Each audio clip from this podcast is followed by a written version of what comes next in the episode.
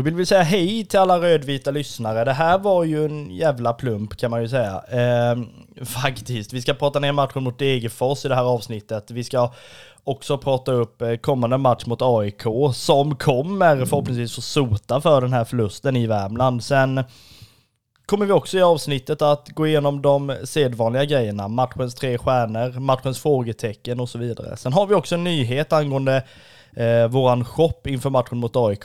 Så att eh, häng kvar, men vi kör vignett.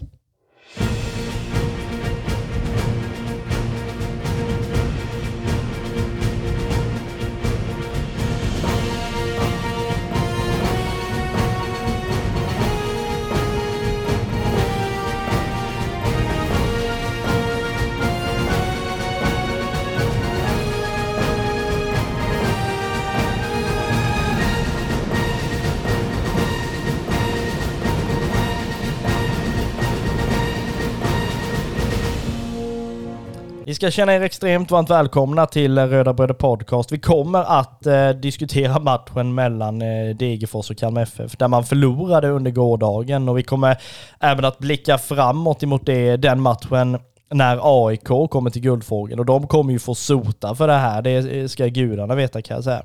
Men innan dess så är det så här, vi eh, vill gå igenom de eh, ja, lite aktuella ämnen eh, generellt kring Kalmar FF och där har vi ju ett glädjande ämne och ett ja, men lite mer, vad ska man säga, irriterande ämne som vi kanske kommer brinna till på när vi drar det. Men först och främst är det ju någonting som jag har väntat på och tjatat om och liksom hållit på med väldigt, väldigt länge.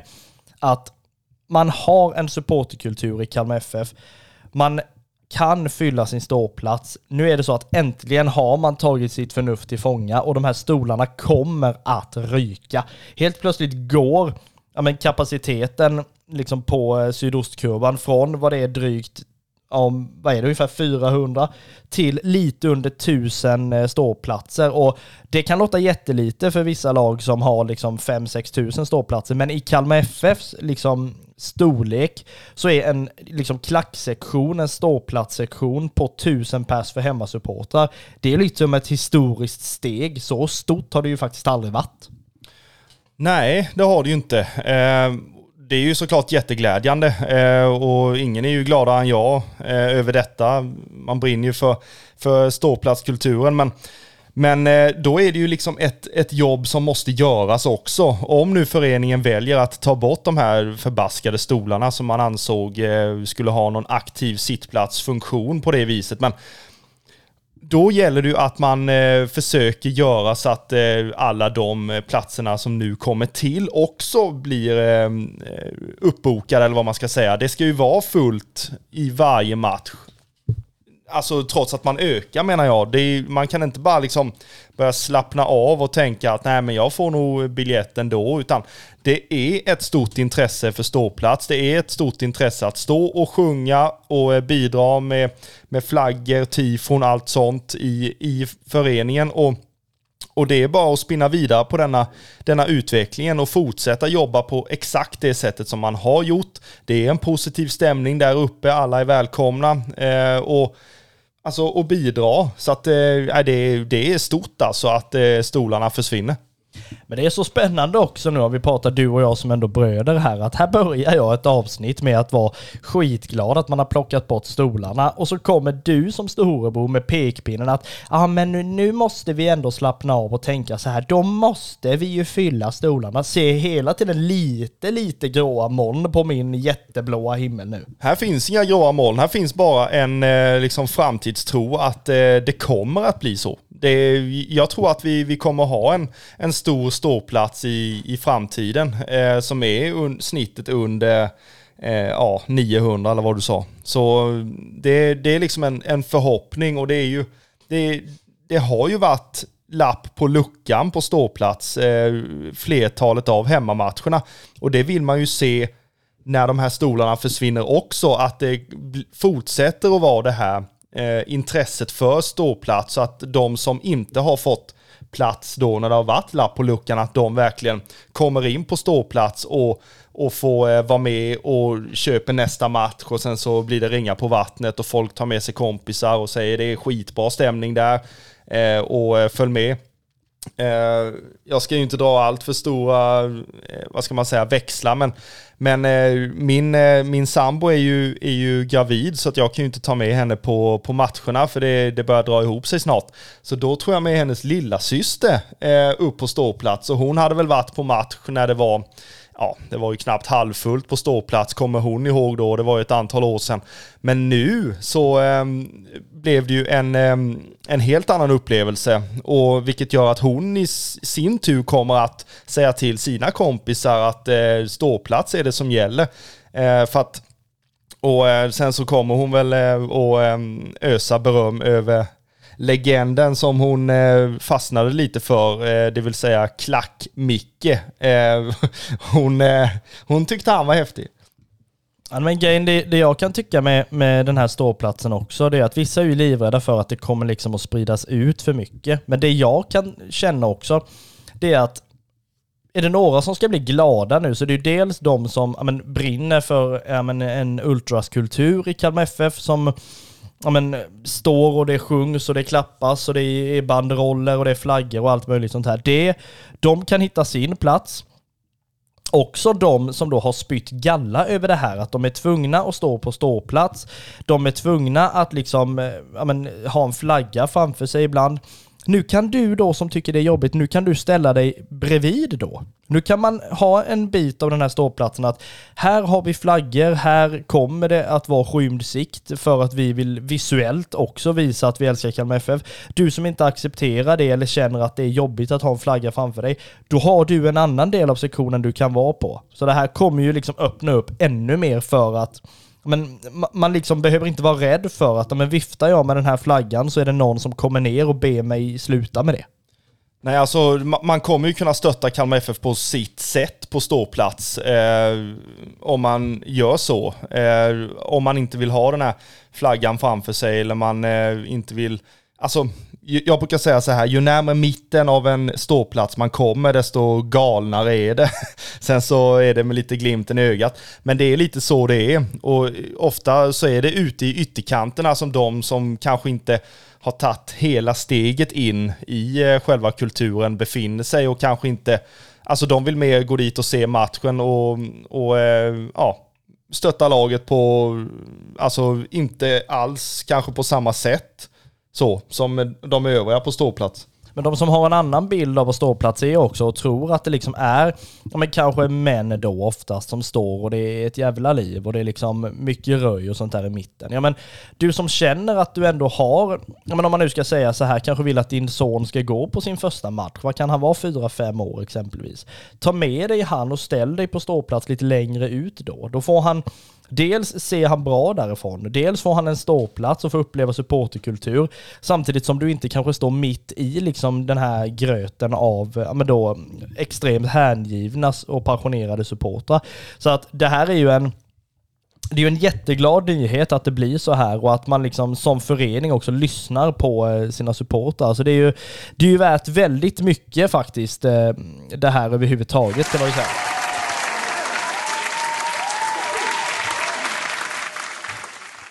Om vi då ska vända lite och liksom titta på det kanske negativa istället så är det ju så här att vi kommer mer och mer diskutera matchen mellan Degerfors och Kalmar FF också. Men det här är en del av det, nämligen att igår på liksom sociala medier så är det ju liksom det här att Malmö sparkade sin tränare Milos Milojevic och det blev prat om olika sorters tränare.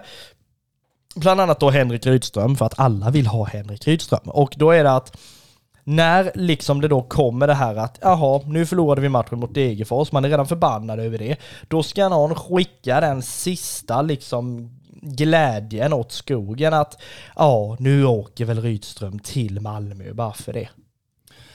Ja, alltså jag kan bli trött på att eh, den senaste tiden, eller ja, sen, eh, sen Malmö letade ny tränare första gången eh, och även Hammarby och allting, så har ju Rydström nämnts i de kretsarna. Och det är väl inte fel i att i att eh, han kanske gör det med tanke på eh, den fina säsongen 2021 till exempel. Eh, men sen måste man väl kanske ha lite alltså två sidor av myntet. Jag menar, han har varit här i, i ett och ett halvt år, han har kommit hem eh, hit. Jag menar, det är ju inte så att han har skitbråttom härifrån. Eh, som vissa kanske vill, vill eh, eh, ja jag vet inte, visa på eller vara rädda för eller, eller sådär. Jag tror att man, man ska sitta ganska lugnt ner i båten eh, när det gäller det. Men när man är så fruktansvärt arg för att man har förlorat över Degerfors och man har alla de känslorna precis i slutet av Alltså när domaren har blåst av matchen och man är tokförbaskad så kommer det liksom på sociala medier att ja, nu, nu försvinner väl Rydström också eh, när Malmö letar ny tränare. Så fort det är någon som sparkar sin tränare så är det alltid en fråga bara eller ja, till Rydström eller någon annanstans så här om han ska dit och dit och dit så här som att alltså jag, jag säger det återigen, han har varit här i ett och ett halvt år och hemma. Jag menar, jag tror inte han är bråttom härifrån. Jag tror inte föreningen överhuvudtaget har den tanken på att släppa Rydström eh, till något lag. Så att jag tror att Alltså det är ju, det var någon, som någon skrev, det är ju en icke-fråga just nu och det, det kan bli, göra mig liksom frustrerad på det viset. Jag menar, det är ju ingenting som, som vi ens behöver lägga någon, någon vikt vid, tycker inte jag. Nej, alltså egentligen inte. Men det är, ju, det är ju som det skrevs på sociala medier. Kalmar har ju väldigt hängivna supportrar på eh, å ena sidan när det går väldigt bra och sen å andra sidan när det går väldigt dåligt så letar ju sig de här jag har vetat detta hela tiden. De liksom supportarna kommer när det går som sämst och liksom just men då, då, känner de att de kan ta det här halmstrået och få den här halva poängen i den här tävlingen och liksom få möjlighet att hacka lite och det är ju ofta så liksom. Men det, jag håller med dig, det är ju egentligen en icke-fråga. Det var liksom att Rydström ska till Malmö, det, för mig är det helt otänkbart. Det finns liksom ingenting. Och jag menar, visst, eh, Malmö har möjlighet att spela i Champions League. Eller okej, nu har de inte det denna säsongen, men skit i det. Men nästa år kanske, eller någonting. Och att då kunna liksom vara med och han har tjatat om kontinuitet hela tiden, att bygga saker och ting och att det är viktigt för Kalmar FF och det här. Och då att han själv skulle gå mitt under en säsong eller kanske då bryta ett kontrakt det är ju liksom helt uteslutet känner jag. Sen är det också så att Kalmar FF är på sin plats i näringskedjan och Malmö har de ekonomiska musklerna att kanske då köpa loss vem fan de vill om jag nu ska vara ärlig. Och då, då kan man ju inte säga så mycket mer än det liksom, för det är ju fortfarande en anställd om man nu ska vara sån. Ja, men sen så finns det väl ett, eh, en egen vilja också av den anställda. Det är ju inte så att det bara för att eh, till exempel då Malmö kan punga ut x antal miljoner för att lösa ut eh, Rydström från sitt kontrakt från FF, då är det inte säkert att Rydström ens vill gå. Jag menar, det är, man, man måste ju ha liksom, du kan ju inte bli, alltså du blir inte tvångsförflyttad bara för att de kan lösa ut dig. Nu tror jag inte så att om det är någon som skulle få ett erbjudande att Malmö vill ha dig, man ser ju inte det som något hot eller som någon, det är inte så att man springer därifrån, men det är klart att man tar väl det som en som en komplimang kanske då, men sen är det ju precis som du säger, man kanske inte vill gå dit och det fattar man ju också. Men just den här, eftersom det, eftersom det kom upp just det här att men det pratas återigen om Rydström och jag tycker väl nästan vi ska ta det som en komplimang att liksom lagen tycker att Rydström har gjort det så pass bra i Kalmar FF så de känner att det här hade vi velat ha en del av också. Jag menar det är nästan bara en komplimang och jag tror att Rydström som har så pass bra självförtroende och ja, men är, ja, men, och tänker men, ganska mycket på sig själv ändå så här också, lika mycket som han tänker på Kalmar FF. Han myser ju nog ändå lite i detta. Det är ju något leende hos Rydström ändå att liksom han blir nog glad av att de större klubbarna vill ha han för han har gjort det så pass bra. Ja men det är ju ett kvitto på att man, att man gör någonting eh, bra. Det är ju absolut så. Eh, och det, det tror jag Rydström känner också. Och det tror jag han känner i, i den här stan också. Att han eh, är ju den personen som har vänt skutan eh, och gjort Kalmar FF till något eh, som man bara kunde drömma om i, för några år sedan. Så att det är ju liksom, han är ju kung i den här stan. Eh, och det är ju som att eh, någon som eh, svarade på en, en supportintervju på vår svenska fansida att vi inte har en staty av Rydström. Det är ju bara att, eh, alltså det är ju ett under. Ja, nej men verkligen. Eh, så att Rydström rör man inte överhuvudtaget över min döda kropp kan jag påstå. Men oavsett det så är det så här att eh, vi eh, kommer att byta fokus till, eh, ja, återigen en grej som faktiskt är ganska så tråkig. Det var ju, Kalmar FF mötte ju Degerfors uppe på Stora Valla igår eh, och den ska vi väl eh, tjata och framförallt skälla om eh, i detta nu.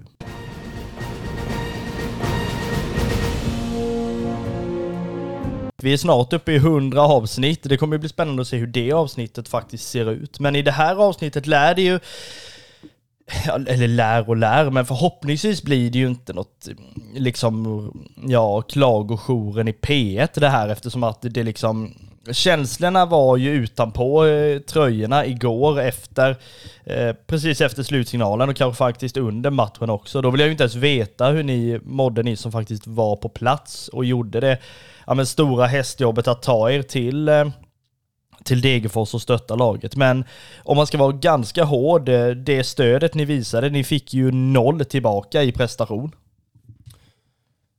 Ja, alltså 118 stycken på, på bortastå, det tycker jag är en eh, stark siffra och det är ju en eloge till alla som åker land och rike för vårt, för vårt rödvita lag. Ibland så eh, får man fyra vinster och ibland så får man deppa efter förluster.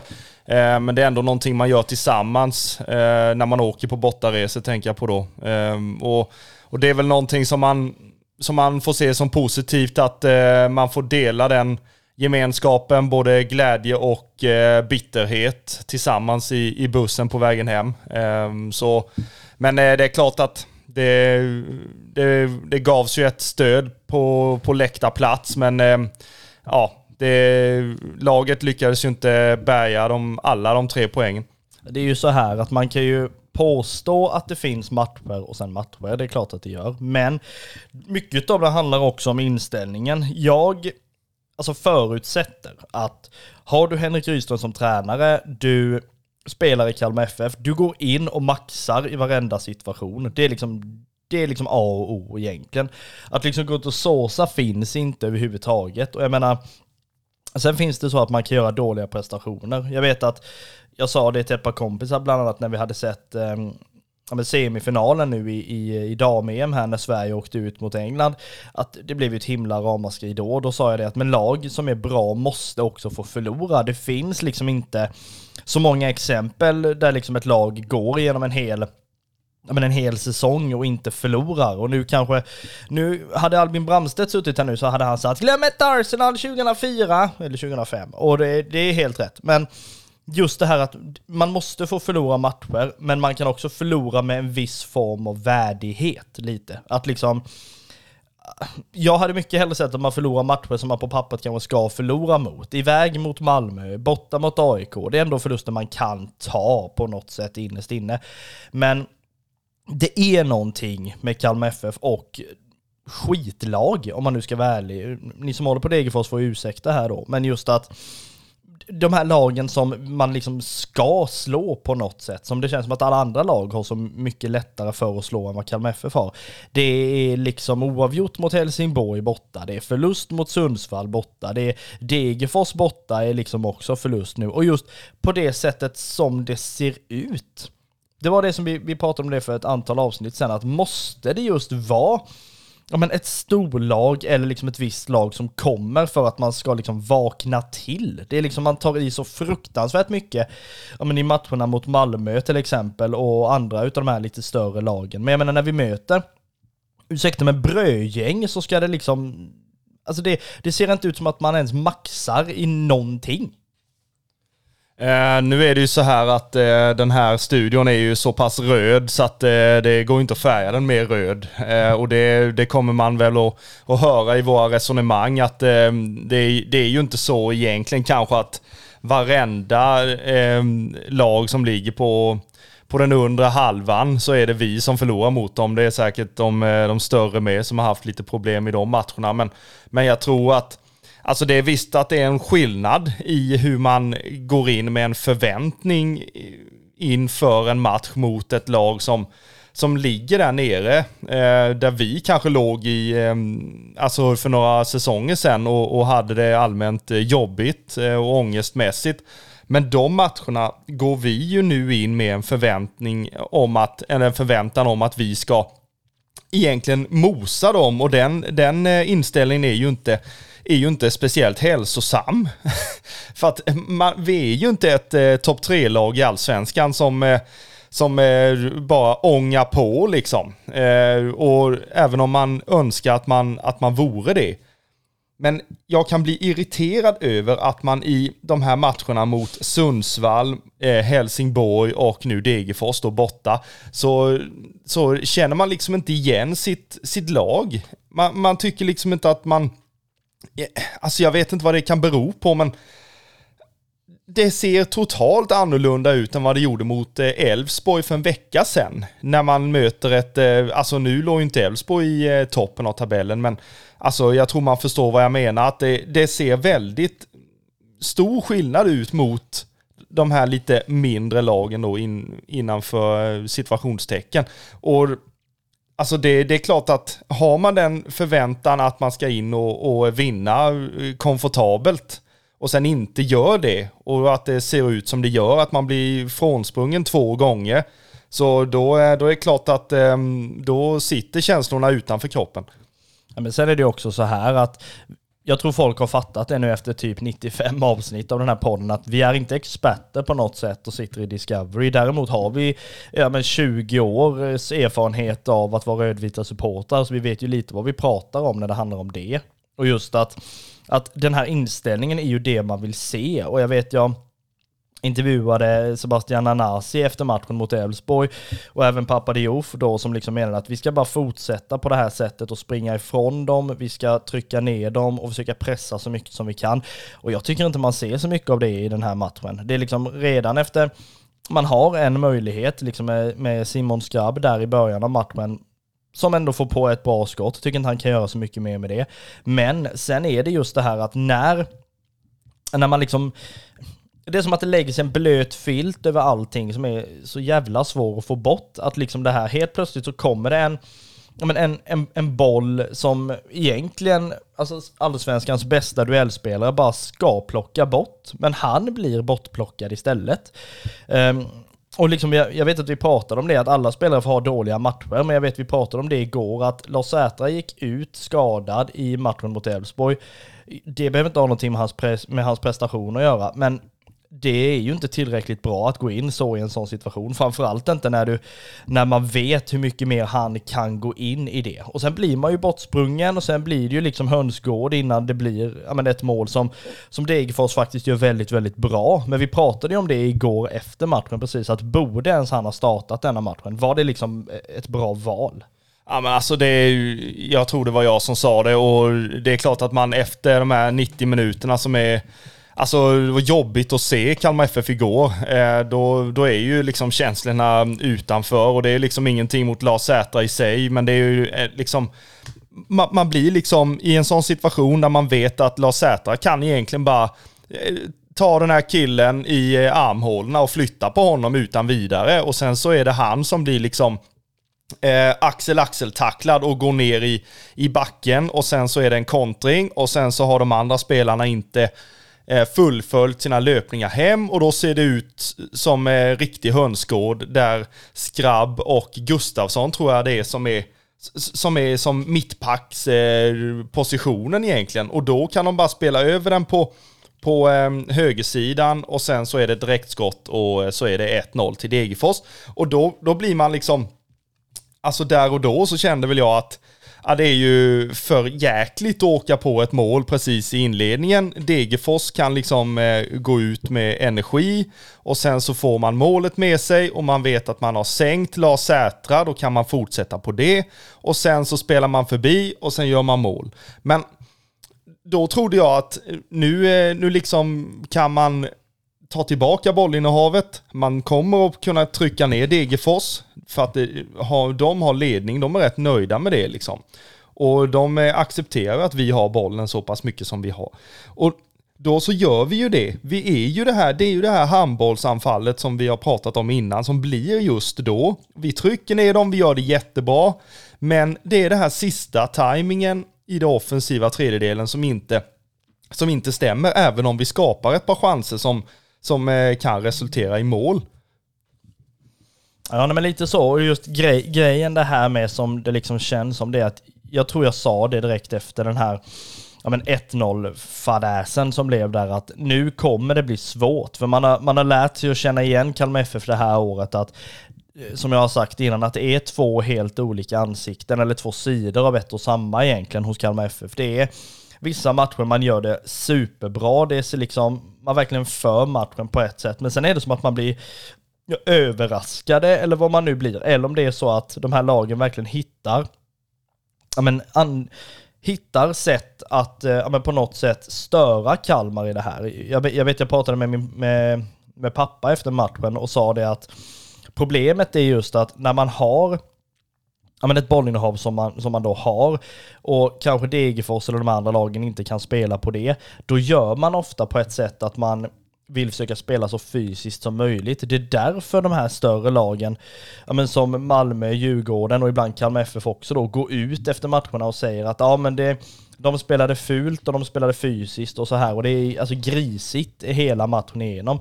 Men det är ju helt underbart på så sätt att, att kan du störa ett lags harmoni på det sättet, då tar du ju alla de hamstrån du kan och då tar du ju till det också. Sen är det ju upp till, till liksom laget att de försöker anpassa sig utifrån det istället. Men nej, jag vet inte. Man, man satt och var lagom, eller lagom, man var ju rejält arg igår efter matchen och just för att när 2-1 målet sen ser ut som det gör också, jag känner väl så här att, precis som jag sa innan, spelar du i Kalmar FF så ska du maxa i allt. Maxa varje löpning, maxa varje tackling, maxa varje situation du går in i.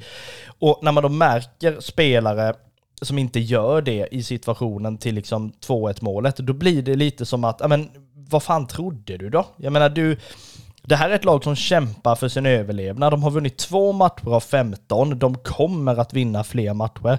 Men de kämpar för någonting som Kalmar FF inte är i närheten av i år, det vill säga att åka ur. De här vet att gör de inte jobbet så kommer det bli superettan och Norrby nästa år och det vill ju ingen möta. Och just att att man då går in med på något sätt den här inställningen i vissa situationer att ja, men vi, vi liksom går inte max. Och man kan inte säga att man går max heller när man liksom saktar in. Det liksom, det finns inte. Och det blir, man blir liksom irriterad och av sån liksom med känsla och kärlek till den här föreningen så blir man ju liksom arg och irriterad. Vi supportrar kan inte göra någonting mer än att stöttar vårt lag. Vi sitter liksom på matcherna och ja, men, ger all vår stöttning. Och när man då märker att det går inte, eller laget gör inte de här hundra procenten som man kanske måste, då är det liksom någonting som retar upp supportrar liksom. Sen är det också så här att, ja men, man förlorar matcher och det är klart att man ligger fortfarande på sjätte plats och det är liksom ingen,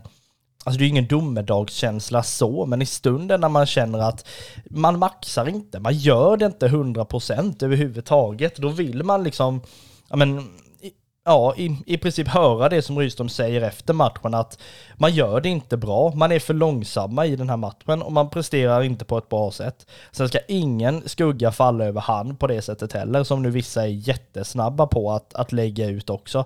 Um, men just den här känslan av att det är ju, det är ju så ja, men onödigt framförallt att man åker upp till Degerfors. Jag vet att man inte kan åka upp dit och räkna med att vinna med 4-5 mål, det funkar inte. Men att åka upp dit och på något sätt ja, men faktiskt be om ursäkt lite, som det kändes som att man gjorde i den här matchen. Det, det går liksom inte och då är det de här förlusterna som blir så fruktansvärt onödiga om man nu faktiskt siktar högre upp i tabellen än där man liksom ligger nu. Ja, men alltså man blir ju eh, frånsprungna två gånger. Eh, det är ju ganska solklart. Eh, vid tvåan så är det ju en, ja, återigen en, en kontring. Och Olafsson, han, han, han, tar väl inte maxlöpningen hela vägen hem. Man kan lägga mycket skuld på Axel Lindahl, att han inte lägger all sin kraft på att springa ifatt sin motspelare som kan komma på bortre stolpen och raka in den. Där och då är man ju vansinnig. Eh, och då är man jättelätt på det att liksom leta de här syndabockarna. Då letar man efter Axel Lindahls hemjobb, man letar efter David Olafssons hemjobb och sen så, sen är det deras fel. Men det är ju någonting som sker kollektivt. Det är ju, alltså det är ju någonting som har hänt betydligt tidigare i eh, sekvensen än vad kanske själva målchansen är, som har brustit. Där och då måste man ju kunna täppa till det rätt så omgående. Upptäcker man att det är ett bolltapp lite längre upp, man åker på en kontring, då måste det vara maxlöpningar hem. Det måste vara, de andra spelarna måste se vilka positioner har inte täckning just nu, då måste man gå på det. Eh, så att man måste ju sortera det ganska ordentligt. Nu låter jag ju som en jäkla tv-expert som jag inte är och ja, men ändå. Det, det är ju liksom den här frustrationen som sitter i en att man, man ser liksom det här hända och man ser att det, att det kommer en sån jättefin boll mot bortre stolpen där det bara är att raka in bollen och då tänker man att jaha, men då har vi en uppförsbacke till igen nu då. Men Ja, alltså det är, ju, det är ju ren frustration bara. Sen så är det väl så att det är ju inga lätta matcher i allsvenskan. Det är ju bara liksom, och eh, det vet ju vi om, om något lag i allsvenskan, att det, det finns inga lätta matcher och man har respekt för motståndarna. De är i allsvenskan av, ett, av en anledning. Så att det, det är ju liksom ingenting som, man kan liksom inte tumma på någonting för något motstånd i allsvenskan. Nej, men sen det här med att Kalmar FF har haft liksom den positionen i svensk fotboll att man ska gå in och störa de större lagen. Och då blir man ju rasande när liksom de här mindre lagen går in och ska störa Kalmar FF då, liksom ta över det istället. Och då fattar man ju hur liksom jobbigt storlagen tycker att det är att liksom, alltså när, när Kalmar FF själva gör det naturligtvis. Och jag menar, det är klart att man får ha sådana här prestationer också, även om det är extremt färgat att det ser ut som det gör. Man vill inte se det här. Liksom. Det, det, är liksom bara så det ser ut. Sen är det ju att man gör, man gör vissa saker som är bra i matchen i alla fall och sådär. Och man, man skapar ju sina chanser, men man har inte den här sista lilla delen i den sista tredjedelen för att göra de här målen. Och det, det liksom har sett väldigt liksom, alltså tunt ut. Man gör inte mer än ett mål i de flesta matcherna. Och det håller ju uppenbarligen inte, framförallt inte när lagen gör eh, fler mål emot den själv då. Men samtidigt det här så kan jag tycka att att okej, okay, då var det här en av de här förlusterna. Det kommer komma onödiga förluster. Vi hade Sundsvall borta, vi hade Helsingborg borta som inte blev en förlust, men det ändå tappade poäng i slutet. Och sen då den här matchen mot Degerfors. Nu är det ju liksom så att igår satt man och var rasande. Nu är man ju mer så här att det är så fruktansvärt skönt att då, nu är juli borta, augusti kommer, nu är det AIK, det är Djurgården, det är Göteborg och så är det ju ett par, ett par lag till som jag inte har i huvudet riktigt. Men det är de här matcherna man känner nu att FAN vad de ska sota för detta.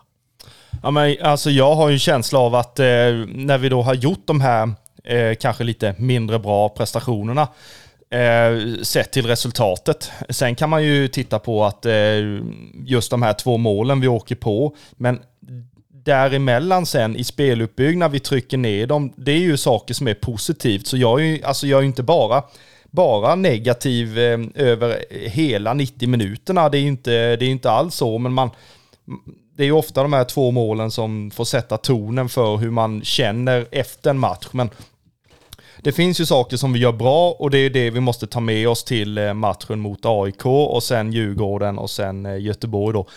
Eh, beroende på hur den ordningen var. Men, men det, det är ju lite så att den här säsongen, har vi gjort en plumpinsats så kommer det att vända. Eh, det har det gjort innan. Vi, vi gjorde någon plattmatch då ju mot, ja, var det Sundsvall kanske då? Och sen matchen efter så, så kom det ner ett, ett storlag och då så är det som natt och dag, fast åt det positiva hållet, att vi börjar spela, spela ut ett storlag på hemmaplan. Eh, och och liksom går därifrån med tre poäng och man undrar så här, jaha men varför spelar den inte så här mot, mot, eh, mot Sundsvall eller mot eh, nu då mot Degerfors här nu då om vi ska göra en bra prestation mot AIK. Eh, så alltså jag har ju, med tanke på den här berg och dalbanan som det kanske har varit lite då, eh, så, så känner väl jag att AIK-matchen kommer bli en riktig kanonmatch. Eh, utan att jinxa för mycket, men eh, jag ser verkligen, verkligen fram emot den. Ja, nej, men det gör man ju och vi kommer, vi kommer ju komma in på det i andra delen, eller andra halvlek av det här avsnittet eh, kan man ju säga. Men vi vill ändå innan dess eh, gå igenom de två segmenten som vi faktiskt har eh, när det är så att vi har spelat matcher. Och den eh, första låter ju som eh, så här.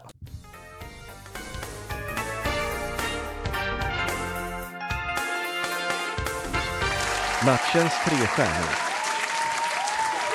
Även om man förlorar borta mot Degerfors så delar vi ut eh, en, två och tre stjärnor i den här matchen. Och den som får en stjärna är Sebastian Nanasi. Dels för, dels för förarbetet till eh, kvitteringsmålet där han håller i bollen väldigt fint i straffområdet och inte på något sätt stressar fram någonting utan Sen ja, men, eh, levererar en bra passning till eh, Oliver Berg som sätter 1-1. Så att en stjärna går till eh, Sebastian Nanasi. Två stjärnor, Kristoffer, lägger vi ju till Oliver Berg. Lagkaptenen Oliver Berg som eh, fortsätter eh, att eh, göra mål. Gjorde ju mål mot Elfsborg och gör mål mot Degerfors och det är ju ett, ett favoritmotstånd för, för honom att göra mål i. Är det nu som det lossnar för Oliver Berg så är, är väl ingen gladare än, än vi. Så att han är ju, han får två stjärnor i, i denna matchen. Den som får tre stjärnor och då hamnar på första plats på den här listan igen är ju eh, ja, men målvakten som eh, nu prenumererar på den här mer eller mindre. Och i den här matchen finns det ingen annan som kan få eh, tre stjärnor mer än eh, Ricardo Friedrich. Dels för att han gör en superräddning som faktiskt räddar ytterligare ett mål. Um, som Degerfors hade kunnat få. Sen är det så att man kan inte lasta han för de här målen heller. Det är kollektiva misstag, eller individuell, det är individuella misstag som sen liksom leder till ett eh, kollektivt förfall vid de här två målen. Så det går inte att, att lasta han i det här. Så de tre stjärnorna levererar vi ju till Ricardo Friedrich.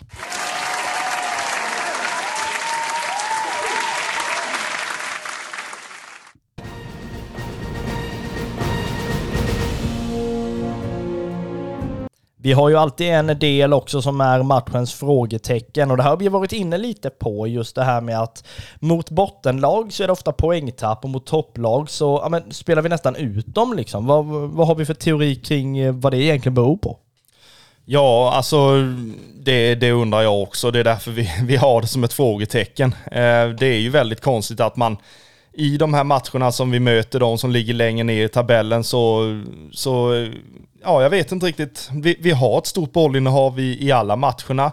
Vi, vi har det här handbollsanfallet. Eh, vi trycker ner dem så långt ner så de står med liksom alla spelare i knät på målvakten eh, och då är det svårt att komma igenom givetvis. Eh, vänder man på, på pappret då så om man möter ett lag som är från övre delen av tabellen som eh, inte tycker om att Kalmar FF har så mycket boll till exempel. Så då är det ju ett lag som pressar betydligt högre. Det finns betydligt fler ytor att eh, operera på för till exempel Oliver Berg och de andra offensiva spelarna, Kalle Gustafsson, Romario. Det, man får en helt annan insats när man möter ett, ett eh, större lag. Eh, och det är ju för att de lägger sig inte med, med fembackslinje i, i eget eh, straffområde, utan de pressar ju för att få tag i bollen. De accepterar ju inte att eh, Kalmar FF har bollen så pass mycket. Och då, då blir det ju så att vi kan liksom spela runt, vi spelar in, vi spelar ut, vi spelar liksom eh, överallt på planen och, och har bollinnehavet hela tiden i stort sett, mot, även mot dem. Men vi, vi skapar ju betydligt fler chanser och eh, oftast så, eh, så vinner vi också. Eh, men ja, jag vet inte, det, det var inget svar på någon fråga, men det var ju ett, eh, ett frågetecken.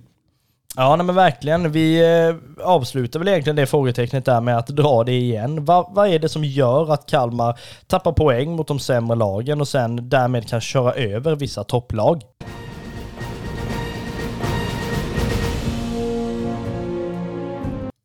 Röda Bröder har ett samarbete med Local Legends. Eh, Local Legends är ett företag som trycker tröjor till ja, men, de lokala legenderna som de tycker förtjänar en sån. Eller de legender som de känner att eh, han aldrig fått en tröja så han borde få en sån. Eh, I och med vårt samarbete med Local Legends så eh, köper du en eh, tröja med ett Kalmar FF-motiv så stöttar du ju inte bara dem utan du stöttar även oss i Röda Bröder Podcast. Så att, eh, gå jättegärna in på deras hemsida och kolla in vad de har för grejer. Så säger vi tack så mycket till Local Legends.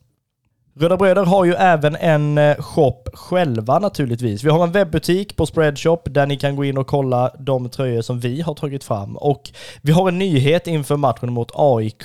Vi eh, har tagit fram ett antal plagg med ett helt nytt motiv som innefattar det eh, faktiskt röda Smålandslejonet. Så att vi vill jättegärna att ni inför den här matchen går in och kollar de nyheter vi kommer att släppa. Det kan vara så att det inte är släppt precis när avsnittet är ute, men det kommer att komma i alla fall ett par dagar innan matchen mot AIK. Så gå jättegärna in och kolla och vi säger tack så mycket till er som eh, köper våra grejer och eh, stöttar det vi gör.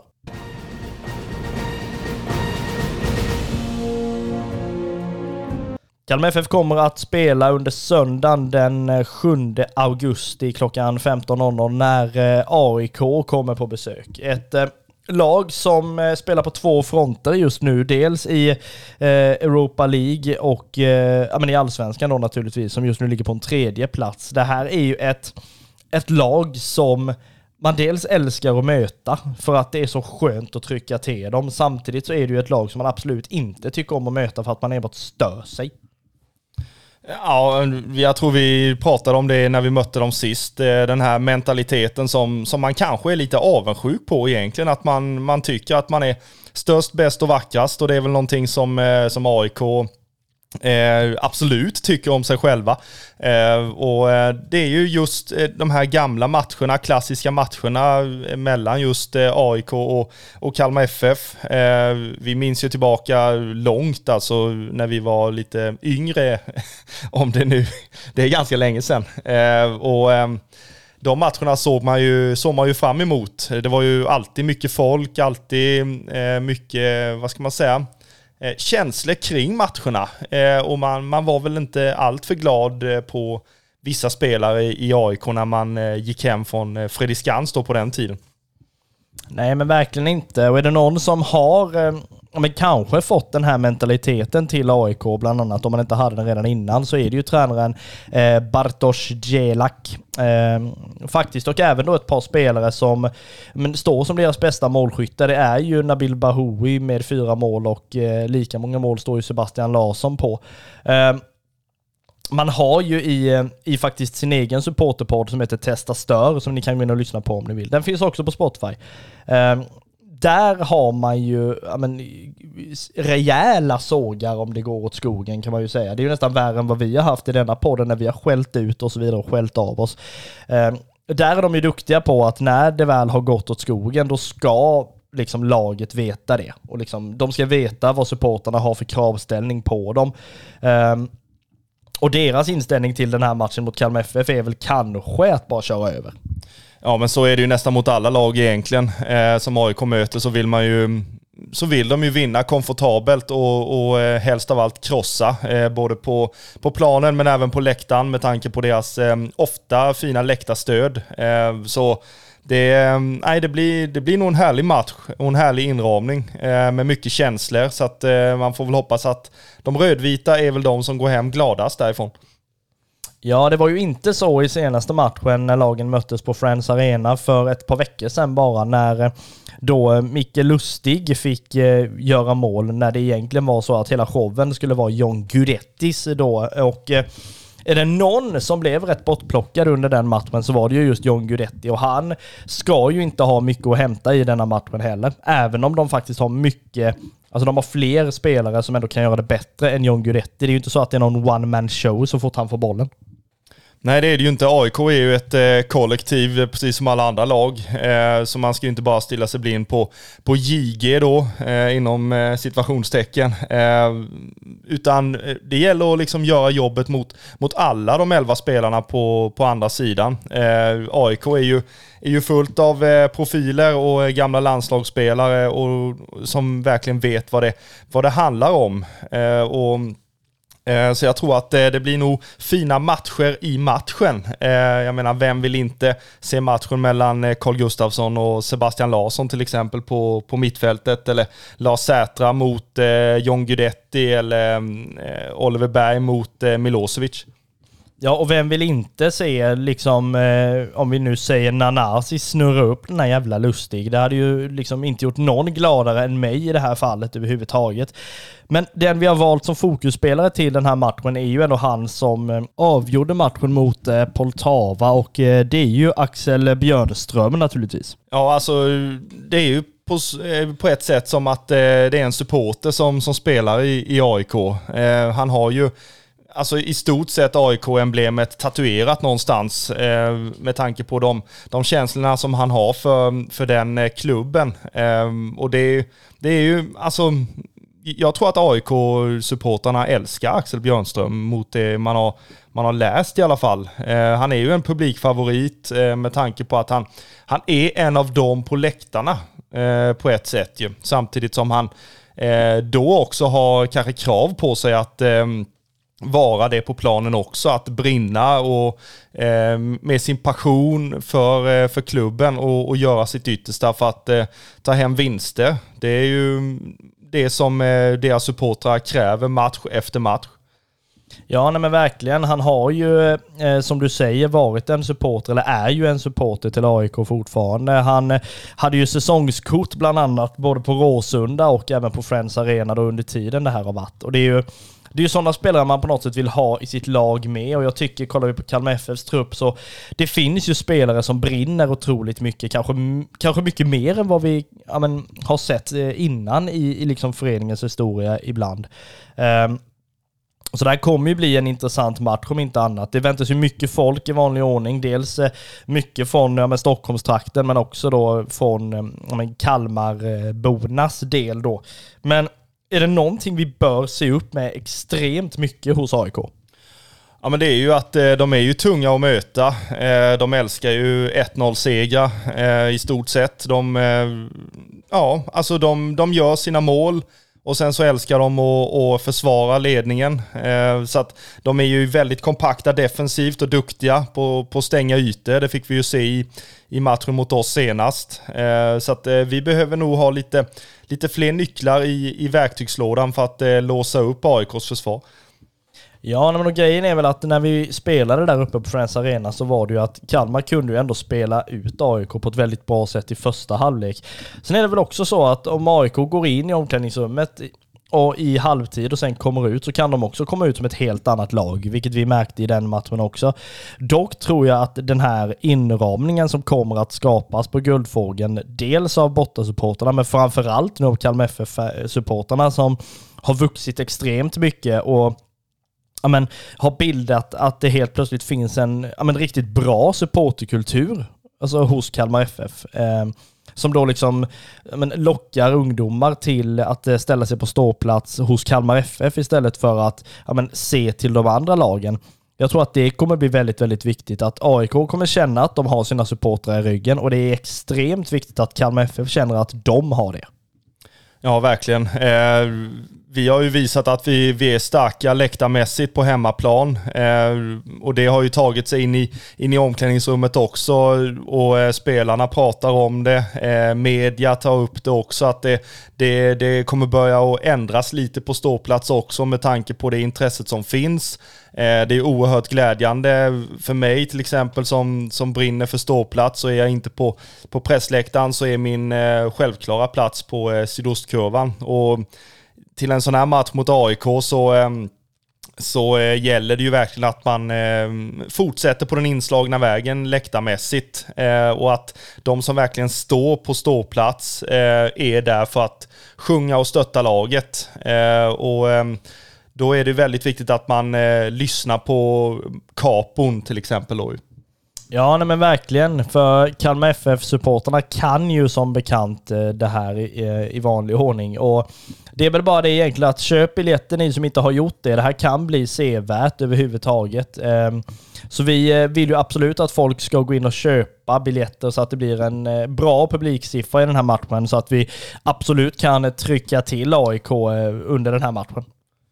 Ja, och samtidigt så, eh, så gäller det att eh, spelarna tar sig samman eh, och går igenom vad man gjorde bra mot Degerfors, vad man gjorde mindre bra, jobba på detta i veckan och komma fullt förberedda till, till matchen mot AIK. Och man vet ju att man är, man är starka hemma, man har gjort fina insatser på hemmaplan och det är ju våran borg på det viset. Så att det, AIK ska få det väldigt svårt att, att komma hit. Eh, samtidigt så måste vi ju faktiskt prata lite om vi har ju faktiskt spelare som inte kan vara med till match mot AIK, till exempel Simon Skrabb som eh, liksom har, har stegrat sin speltid eh, mer och mer och mer. Eh, och eh, då hade man ju kanske inte önskat att han skulle får sitta på läktaren i, i denna matchen. Nej men så är det ju och eh, framförallt det här då med, med liksom spelare som man vill att de ska spela sådana här matcher. Dels Simon Skrabb som kan liksom ja, men skrämma upp AIK på ett sätt kanske för de vet hur han, hur han liksom kan prestera i matchen när han väl, när han väl presterar väldigt bra. Sen är det väl också så Sebastian Anasi nu som eh, ja, men, har den här tekniskt fina liksom eh, förmågan att, att kunna liksom, ja, men snurra upp en och annan spelare för att sen kunna leverera en bra passning. Sen vet vi ju det, Oliver Berg kommer ha eh, Milosevic och eh, ja, vem det nu är med som spelar i backlinjen. Om det är Papadianopoulos eller vem det nu är. Och det kommer ju också bli svårt för dem, för de vet hur liksom pass bra eh, Ricardo Friedrich är. Framförallt där hemma på Guldfågeln när han har ja, supportarna antingen framför sig eller i ryggen. Um, så det kommer ju inte bli särskilt lätt, men är det någonting man inte ska göra i den här matchen så är det att ställa sig med mössan i hand, på något sätt be om ursäkt eller på något sätt stå som en jävla butler och bara ja, vad vill ni ha? Så löser vi det. Jag tycker ju inte att vi har gjort det på hemmaplan så att jag blir ju inte förvånad om, eh, eller alltså jag skulle bli förvånad om vi verkligen gör det. Eh, I matcherna mot de här storlagen så har vi ju smält på, vi har ägt boll, vi har skapat chanser, vi har gjort mål. Så att eh, mina tankar är ju enbart positiva och förväntningarna är ju är ju höga på att det ska bli en, en fin inramning och en fin fotbollsmatch och att vi ska Ja, göra som vi brukar göra på hemmaplan. Eh, det vill säga göra bra prestation och eh, vinna. Och jag menar, den tacklingen till exempel, om jag ska ta som exempel, eh, Kalle Gustafssons tackling på en Djurgårdsmittfältare satte ju verkligen nivån för hur, hur vi ska vara mot, mot de stora lagen. Vi är ju ett hot mot etablissemanget fortfarande. Ja, sen är det väl också så att det, det man är lite förvånad över kanske, eller kanske glad för är man väl mer, det är ju att Kalmar FF nu presterar så pass bra på hemmaplan. Det är bortaspelet som hackar mer än hemmaspelet och för några år sedan var det ju så att man hade ju nästan velat spela alla 30 matcher på bortaplan för att hemma, hemmaplan var ingenting man ville spela på för det, man presterade inte bra där. Nu är det liksom en helt annan eh, situation, en helt annan harmoni i laget eh, totalt sett eh, som liksom gör att man kan man kan på något sätt hota lagen hemma på Guldfågeln och det är ju någonting vi, vi verkligen vill att man ska ta med sig in i den här matchen. Så vi vill ju det återigen säga det att eh, ni som har tänkt att gå på matchen och inte köpt biljetter än, gör det. Det kan till och med bli femsiffrigt i den här matchen, förhoppningsvis. Och det kommer bli en bra läktarkamp eh, nu eh, eftersom att Kalmar-supporterna har visat vad de går för. Så att aik kan ju få sig upp på både på både stå och sittplats eh, som det heter. För eh, Kalmar-supporterna har ju vaknat eh, framförallt under förra säsongen och även under denna säsongen. I och med det så vill vi sätta punkt för det här avsnittet som är Röda Bröder Podcast. Vi är en supporterpodd om Smålands stolthet.